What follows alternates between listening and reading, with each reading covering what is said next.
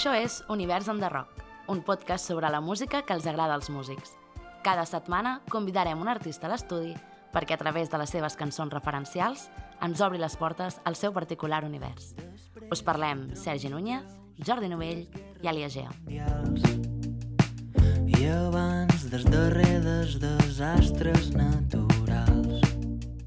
Avui, a Univers en the Rock, parlem amb Lauren Nine.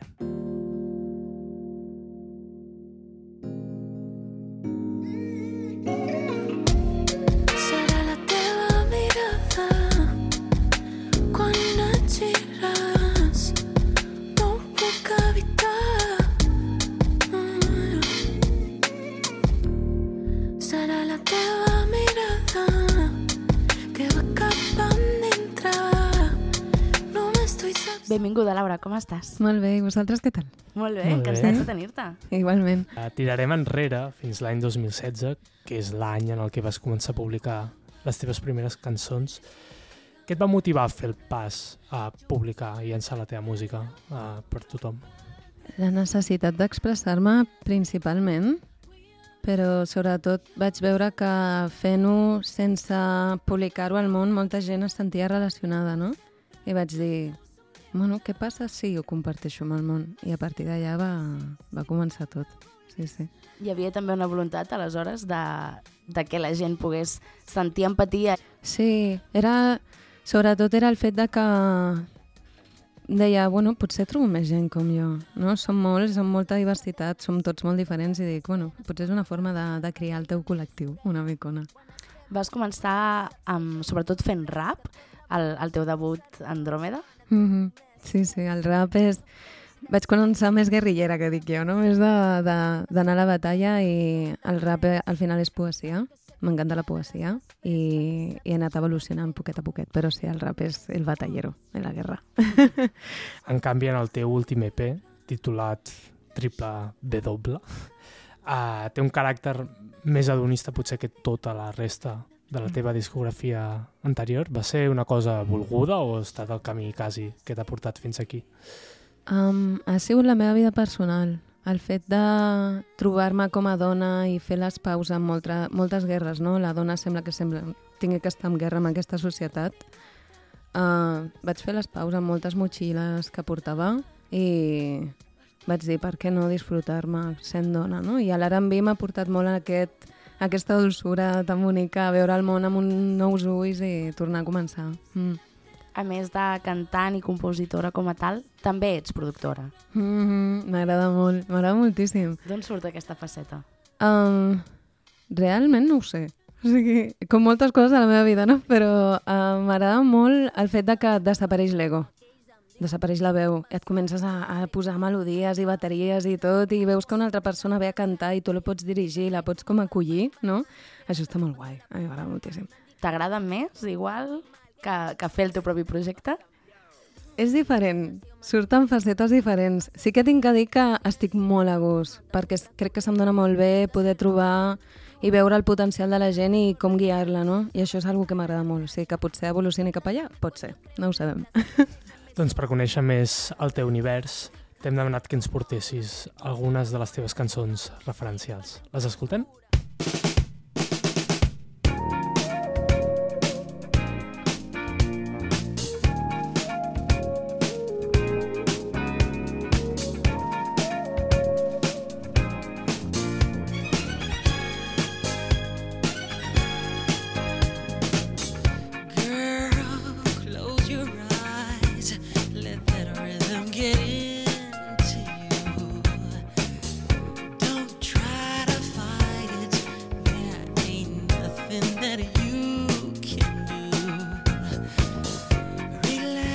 Vet aquí que ressecós del Jackson 5, Michael Jackson va anar a buscar Quincy Jones i junts van iniciar una de les societats musicals més importants de la història. El primer esgaló va ser Off the Wall, publicat el 1979 en ple boom de la música disco, amb èxits com aquest tema de Rod Temperton, Rock With You. Pocs discos, no?, han envellit tan bé com aquest Of the Wall.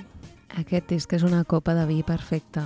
Està És, em va marcar tant quan vaig començar a escoltar aquest disc perquè mon pare me'ls posava, però és que el Quincy Jones és, té uns detalls que si estàs al món de la producció musical dius Uau, però el Rock With You et fa ballar i a la vegada és tan melòdic i tan melós, m'encanta. M'encanta aquesta cançó, em porta molt bons records.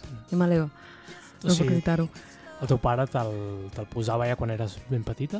Molt, mon pare li agrada molt la música disco, el funk, superfan. Era Michael Jackson, era George Benson, Barry White, no? I ja vaig créixer amb tot això i, i ahí està, m'ha marcat de per vida. Mm. És el teu disc preferit de Michael Jackson? Mm. Ostres, aquesta no me l'esperava.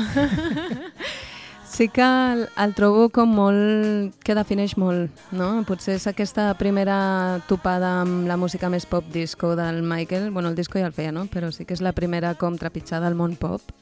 I el trobo més un pont. M'agrada bastant, sí. Mm. I per què ens has portat en concret del disc Rock With You? Perquè l'altre dia vaig veure un vídeo a YouTube que explicaven una mica com, com es va composar Rock With You, com ho va fer el Quincy Jones i tot això. I clar, de sobte em veu dir això i és una cançó que la tinc allà com preferides, no? I, i la vaig portar, vaig dir, tinc que portar aquesta cançó. M'agrada moltíssim. Realment té, té detallets, escoltes fins i tot les cordes, no? Sí. Tot el, les melodies que hi ha per Mm. dalt i per baix. Mm. Vull dir que té moltes capes a nivell de, de producció. I, de, i al, al final, aquell moment que de sobte canvia la melodia i puja més amunt, dius, no pot ser més. Saps aquest home? Molt, molt. Crec que Sara quan ho fa, que puja. Dius, vinga, perquè soy Quincy Jones, no?, una mica, però sí, sí, impressionant. M'agrada molt aquesta cançó. Aquest tema és un dels primers que va escriure Rod Temperton per Michael Jackson. Després en va escriure el més cèlebre, Thriller. Et planteges de tenir una figura de compositor o compositora que t'escrivis alguns temes per tu? Sí, ojalà el Rock Temperton. Hola, el truco ja. M'agradaria molt. Uh, crec que té que ser una experiència molt guapa perquè són aquestes figures que, que poca gent coneix, que només coneixem els molt friquis no, d'aquest món, i, i crec que seria una experiència molt guai. També m'agradaria fer-ho jo, eh? Escriure per altra sí, gent. sí, fer Mm, com sí, el sí. procés invers. Sí, no, al Twitter vaig veure un, un d'aquests fils no, que explicava com eh, sortia un vídeo del Rock Ter Temperton amb la seva demo del Rock With You i vaig dir, uala, saps, rotllo, cantant malament i tot, però ja feia els acordes i tot i veies la progressió i està molt guapo veure després el resultat final, sí, que, sí, molt guai. Doncs ara no ens movem dels Estats Units, però avancem 40 anys amb el següent tema. It's not that I don't want you here. Yeah, yeah. It's something about the way you stare into my eyes. I know that I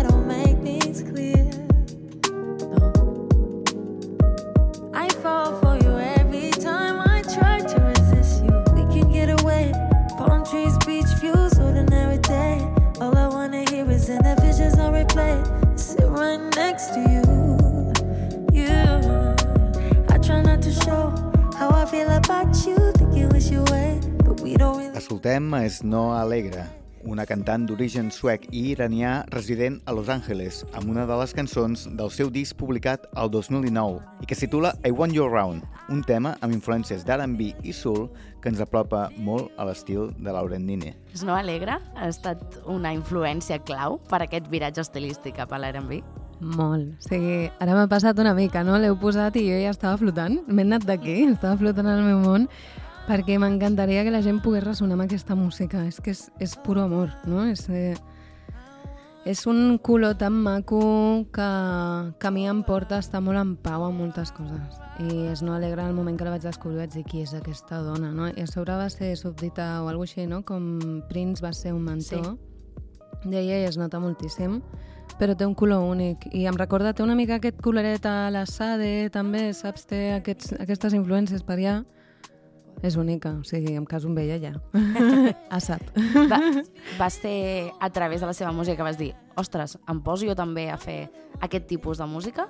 és una gran influència i m'agrada perquè és actual però ella també ja deu tenir 30 i pico, no? I porta molts anys a, a la indústria fent tot això, però sí que és un... Ostres, es pot fer això. Com seria fer-ho en català? No? I vaig començar a fer-ho. Però sí, sí, és una influència molt clau. I com vas arribar tu a conèixer-la? No ho sé, crec que per recomanats de Spotify o alguna així. Bàsic, no? De, escolto molt aquest tipus de música i de sobte em va sortir amb una cançó no me'n recordo com es deia, que va algo de The Cold, Nothing Burns Like the Cold, o alguna així es diu la cançó, i ja està, em vaig enamorar de la seva veu. Impressionant. Ara comentaves la, la mentoria aquesta, no?, de Prince amb, amb Alegre. T'agradaria tenir algun tipus de relació així amb algú de l'escena? M'agradaria tenir algun... Eh, tinc algun mentor ja. El Flavio Rodríguez, per exemple, que, que esti... com ha produït l'àlbum, mm. ha sigut un mentor molt gran. M'ha ensenyat molt d'harmonies, de com composar, de agafar molta confiança en mi com a cantant. O sigui que això, aquestes figures les tinc, no? Clar, no, no te puedo dir que és Prince, però, però el Flavio porta molts anys i va ser dels primers en cantar a mi en castellà, o sigui que és un gran mentor i ho agraeixo molt. Una de les coses que m'ha semblat molt curiosa és que ella també també referencia Michael Jackson com una de les seves grans influències. Què, què és el que té Michael Jackson que pot connectar amb l'R&B que feu tu o ella? En el fons jo crec que ho té bastant el Michael, eh? Més enllà de que fos, sigui el, considerat el rei del pop. Però la seva veu és molt melosa i en els últims discos té molts temes produïts i composats per gent d'R&B, o sigui que va per allà, jo crec. Té sentit, no? Té sentit, té sentit.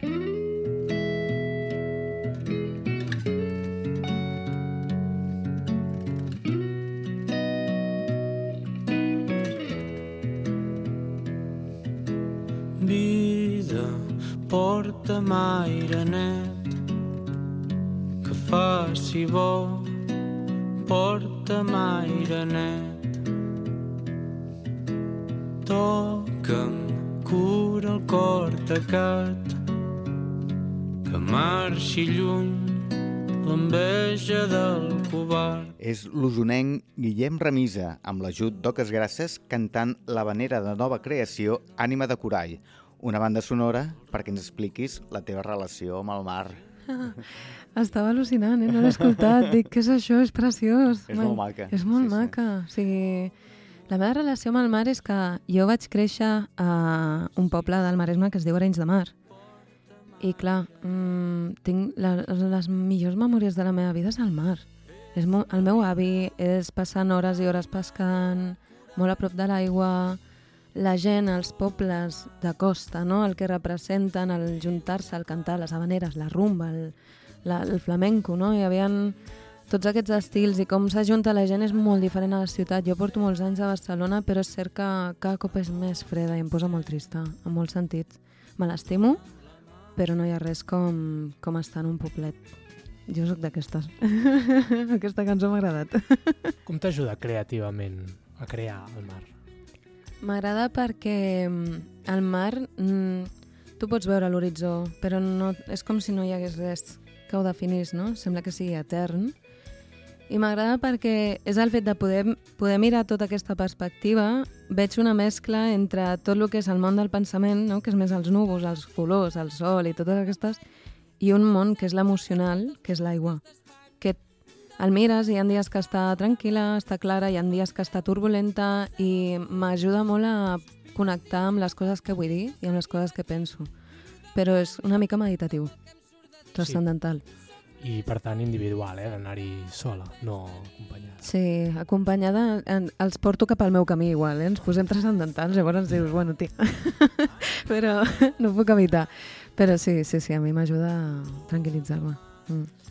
Has escrit alguna cançó específicament sobre aquesta influència del mar que, que tens? Uh, no específica, m'agradaria escriure una, però sí que tinc el més proper, és la de Marinero, que clar, parlo de- d'Arenys de, de Mar, de la relació amb el meu avi, que era un mariner, Mm -hmm. i sí que parlo no, de certs punts, de coses que representa el mar per mi, i a plorar, a plorar.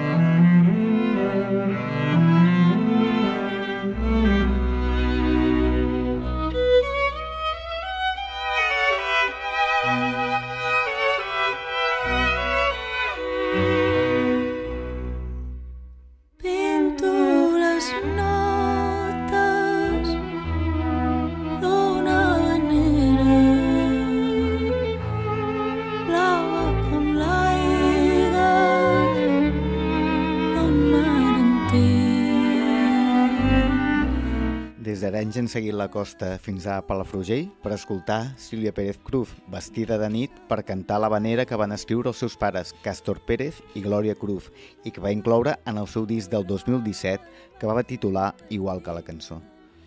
Ara ens explicaves la teva relació amb el mar. És d'aquí d'on neix el vincle amb aquesta cançó de Sílvia Pérez Cruz? Sí, moltíssim. I sobretot, aquesta és més la música que ve de la part femenina de la meva família, no? De la meva àvia, la meva mare... Sí que els agrada més, doncs la Sílvia la, posia, la posaven moltíssim, sobretot ma mare. Però és aquest... Ja quan estava començant a sonar la cançó dic, no puc evitar-ho, m'emociono perquè són aquests moments de...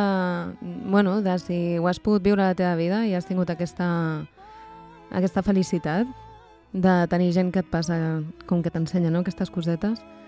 Jo les valoro molt, les valoro molt. I només connecto amb aquest estil de música. És, són les meves arrels, no ho puc evitar. Per molt que faci R&B, no? Però és el que hi.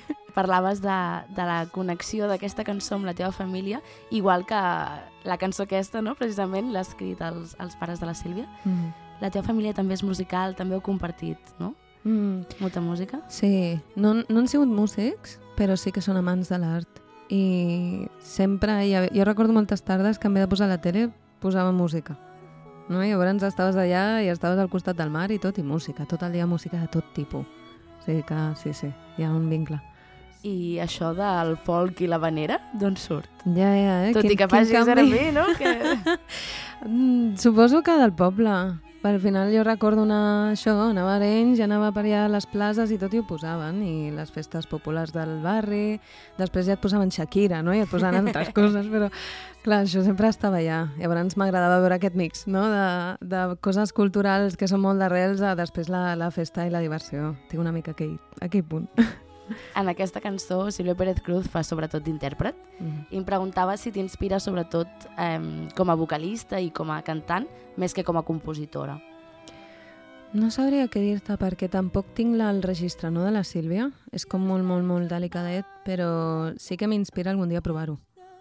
A provar aquest estil perquè mai se sap. Crec que si he crescut escoltant-ho ho, ho puc arribar a fer. Hi ha alguna part de Lauren Nine que... Ah, Alguna part, sí, sí. alguna part per allà. Molt bé, tornem ara als Estats Units, concretament a Seattle, amb la següent cançó. Sending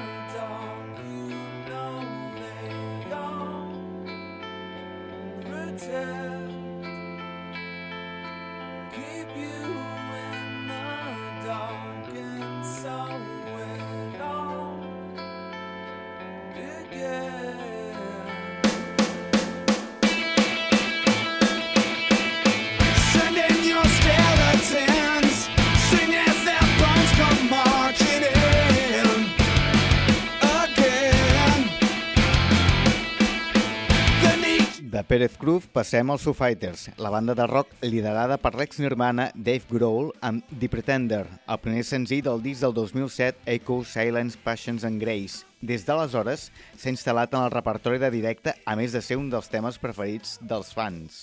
És Foo Fighters, un dels teus grups preferits de rock? Sí. Sí.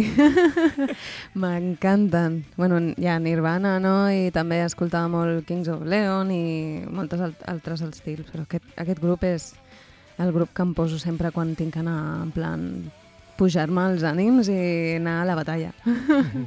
O sigui, t'agrada més aviat un rock més alternatiu, que diguéssim que més clàssic, pròpiament. Sí. Tot lo, tot lo que tingui etiqueta alternatiu, ja hi vaig, no sé per què. sí, tot el que posi alternatiu, uepa, allà em tiro. Però sí, tot el que sigui així una micona més... Bueno, que trobes aquesta part com tenyida més genuïna, personal de cada artista, no? que no tira tant a lo mastegat, sí, vaig d'una. I Foo Mhm. Fighters és...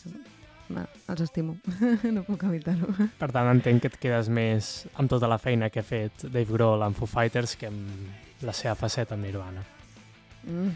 Ostres, uau, eh? Com, com ho poseu?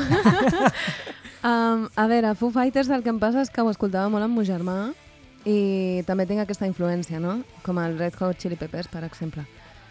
Però Nirvana també, ostres, té, té clàssics allà molt forts. Bé, estan a la mateixa playlist, no els puc separar. Van de la mà, van junts. Sí. Dave Grohl va dir en una entrevista que la lletra d'aquest tema que sona, de Pretender, uh, parla una miqueta de la incertesa. Clar, per posar en context, aquest tema és del, com deia el Jordi, de l'any 2007, quan estava a punt d'arrencar tota la crisi del, del 2008 i dels Lehman Brothers i etc. Uh, no sé si aquesta tria també ve donada per l'impacte que pot haver tingut a tota la teva generació aquella crisi. Molt. Jo estic en un moment que veig que molta gent de sobte està tornant a enamorar-se del punk, del rock, no? I tot aquest ambient que havia com desaparegut perquè estàvem més amb la música urbana, que ara també té molta força, no? Però veig molta gent que està tornant a reconciliar-se, per lo menys del meu alrededor, i és una música necessària per moments de crisi, per empujar-nos a, a tirar endavant. Sí, sí, sens dubte. Donat aquesta faceta que hem descobert teva més rockera, podem arribar a veure algun dia traient més guitarres i veient una Lauren Nine més punky, més rockera? Vaig treure un tema, en realitat. Vaig Sí? treure una col·laboració amb un grup que es diu Novus, que antigament es deia Novus Ordo, que són de València, que són punk rock extrem, rotllo heavy metal. I vaig fer una col·labo amb ells, em van cridar, vaig anar cap allà perquè volia provar. Va, són un amor, són impressionants, vam gravar un vídeo i jo estic molt contenta. Sé que la meva, el meu públic es va quedar rotllo, què li ha passat, no? Què li ha passat aquesta? Però sí, sí, super. Ho tornaria a fer, eh? Tota sola, potser?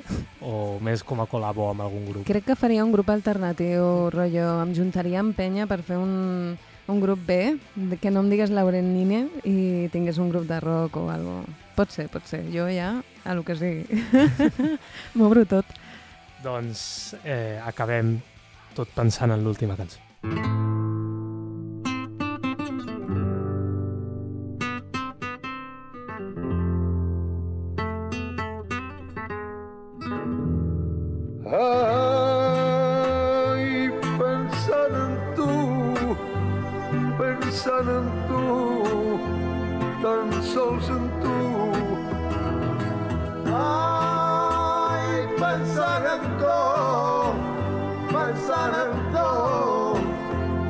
sols en tu.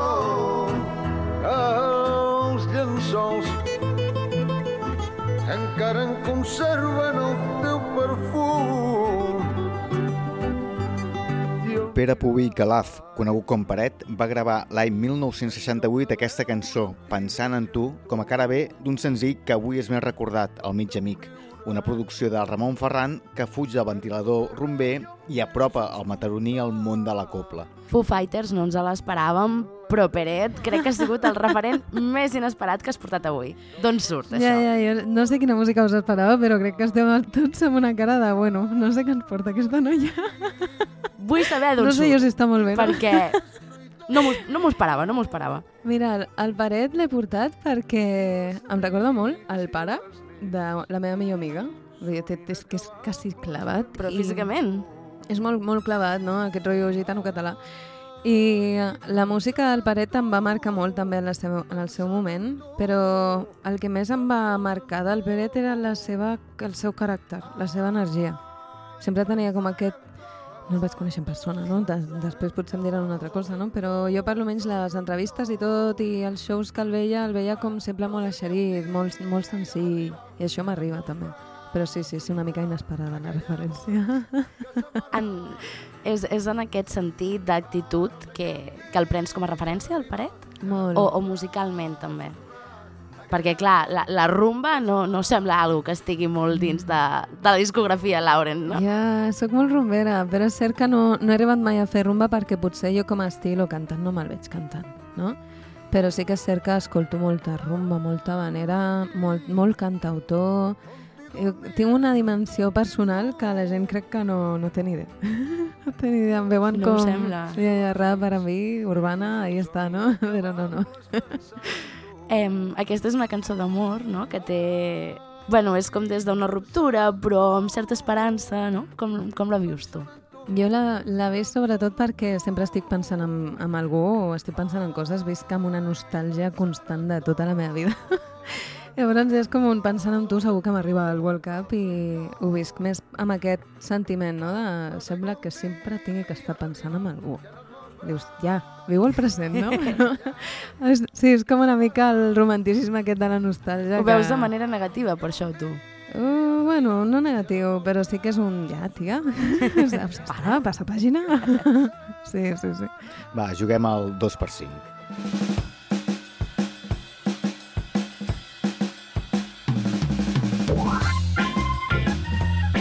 Com veus, Laura, t'hem preparat un, un vol amb tot de boles que van de l'1 al 90 i ara et demanarem que, que en treguis dues i cadascuna d'elles correspon a un artista. Sí, sí, endavant.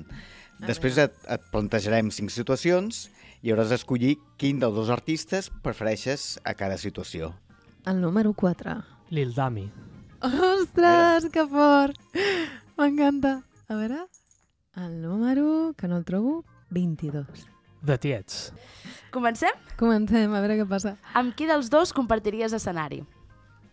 Amb el Dami, Amb qui aniries a meditar a la vora del mar? de Tiets. De qui t'agradaria sentir un podcast d'Univers Enderroc? De Tiets. A qui dels dos creus que li poden agradar més les cançons que has portat avui? El Dami. I amb qui t'agradaria anar una nit de festa? Oh! Amb de Tiets, però perquè són més. Ho sento, Dami. T'estimo, però...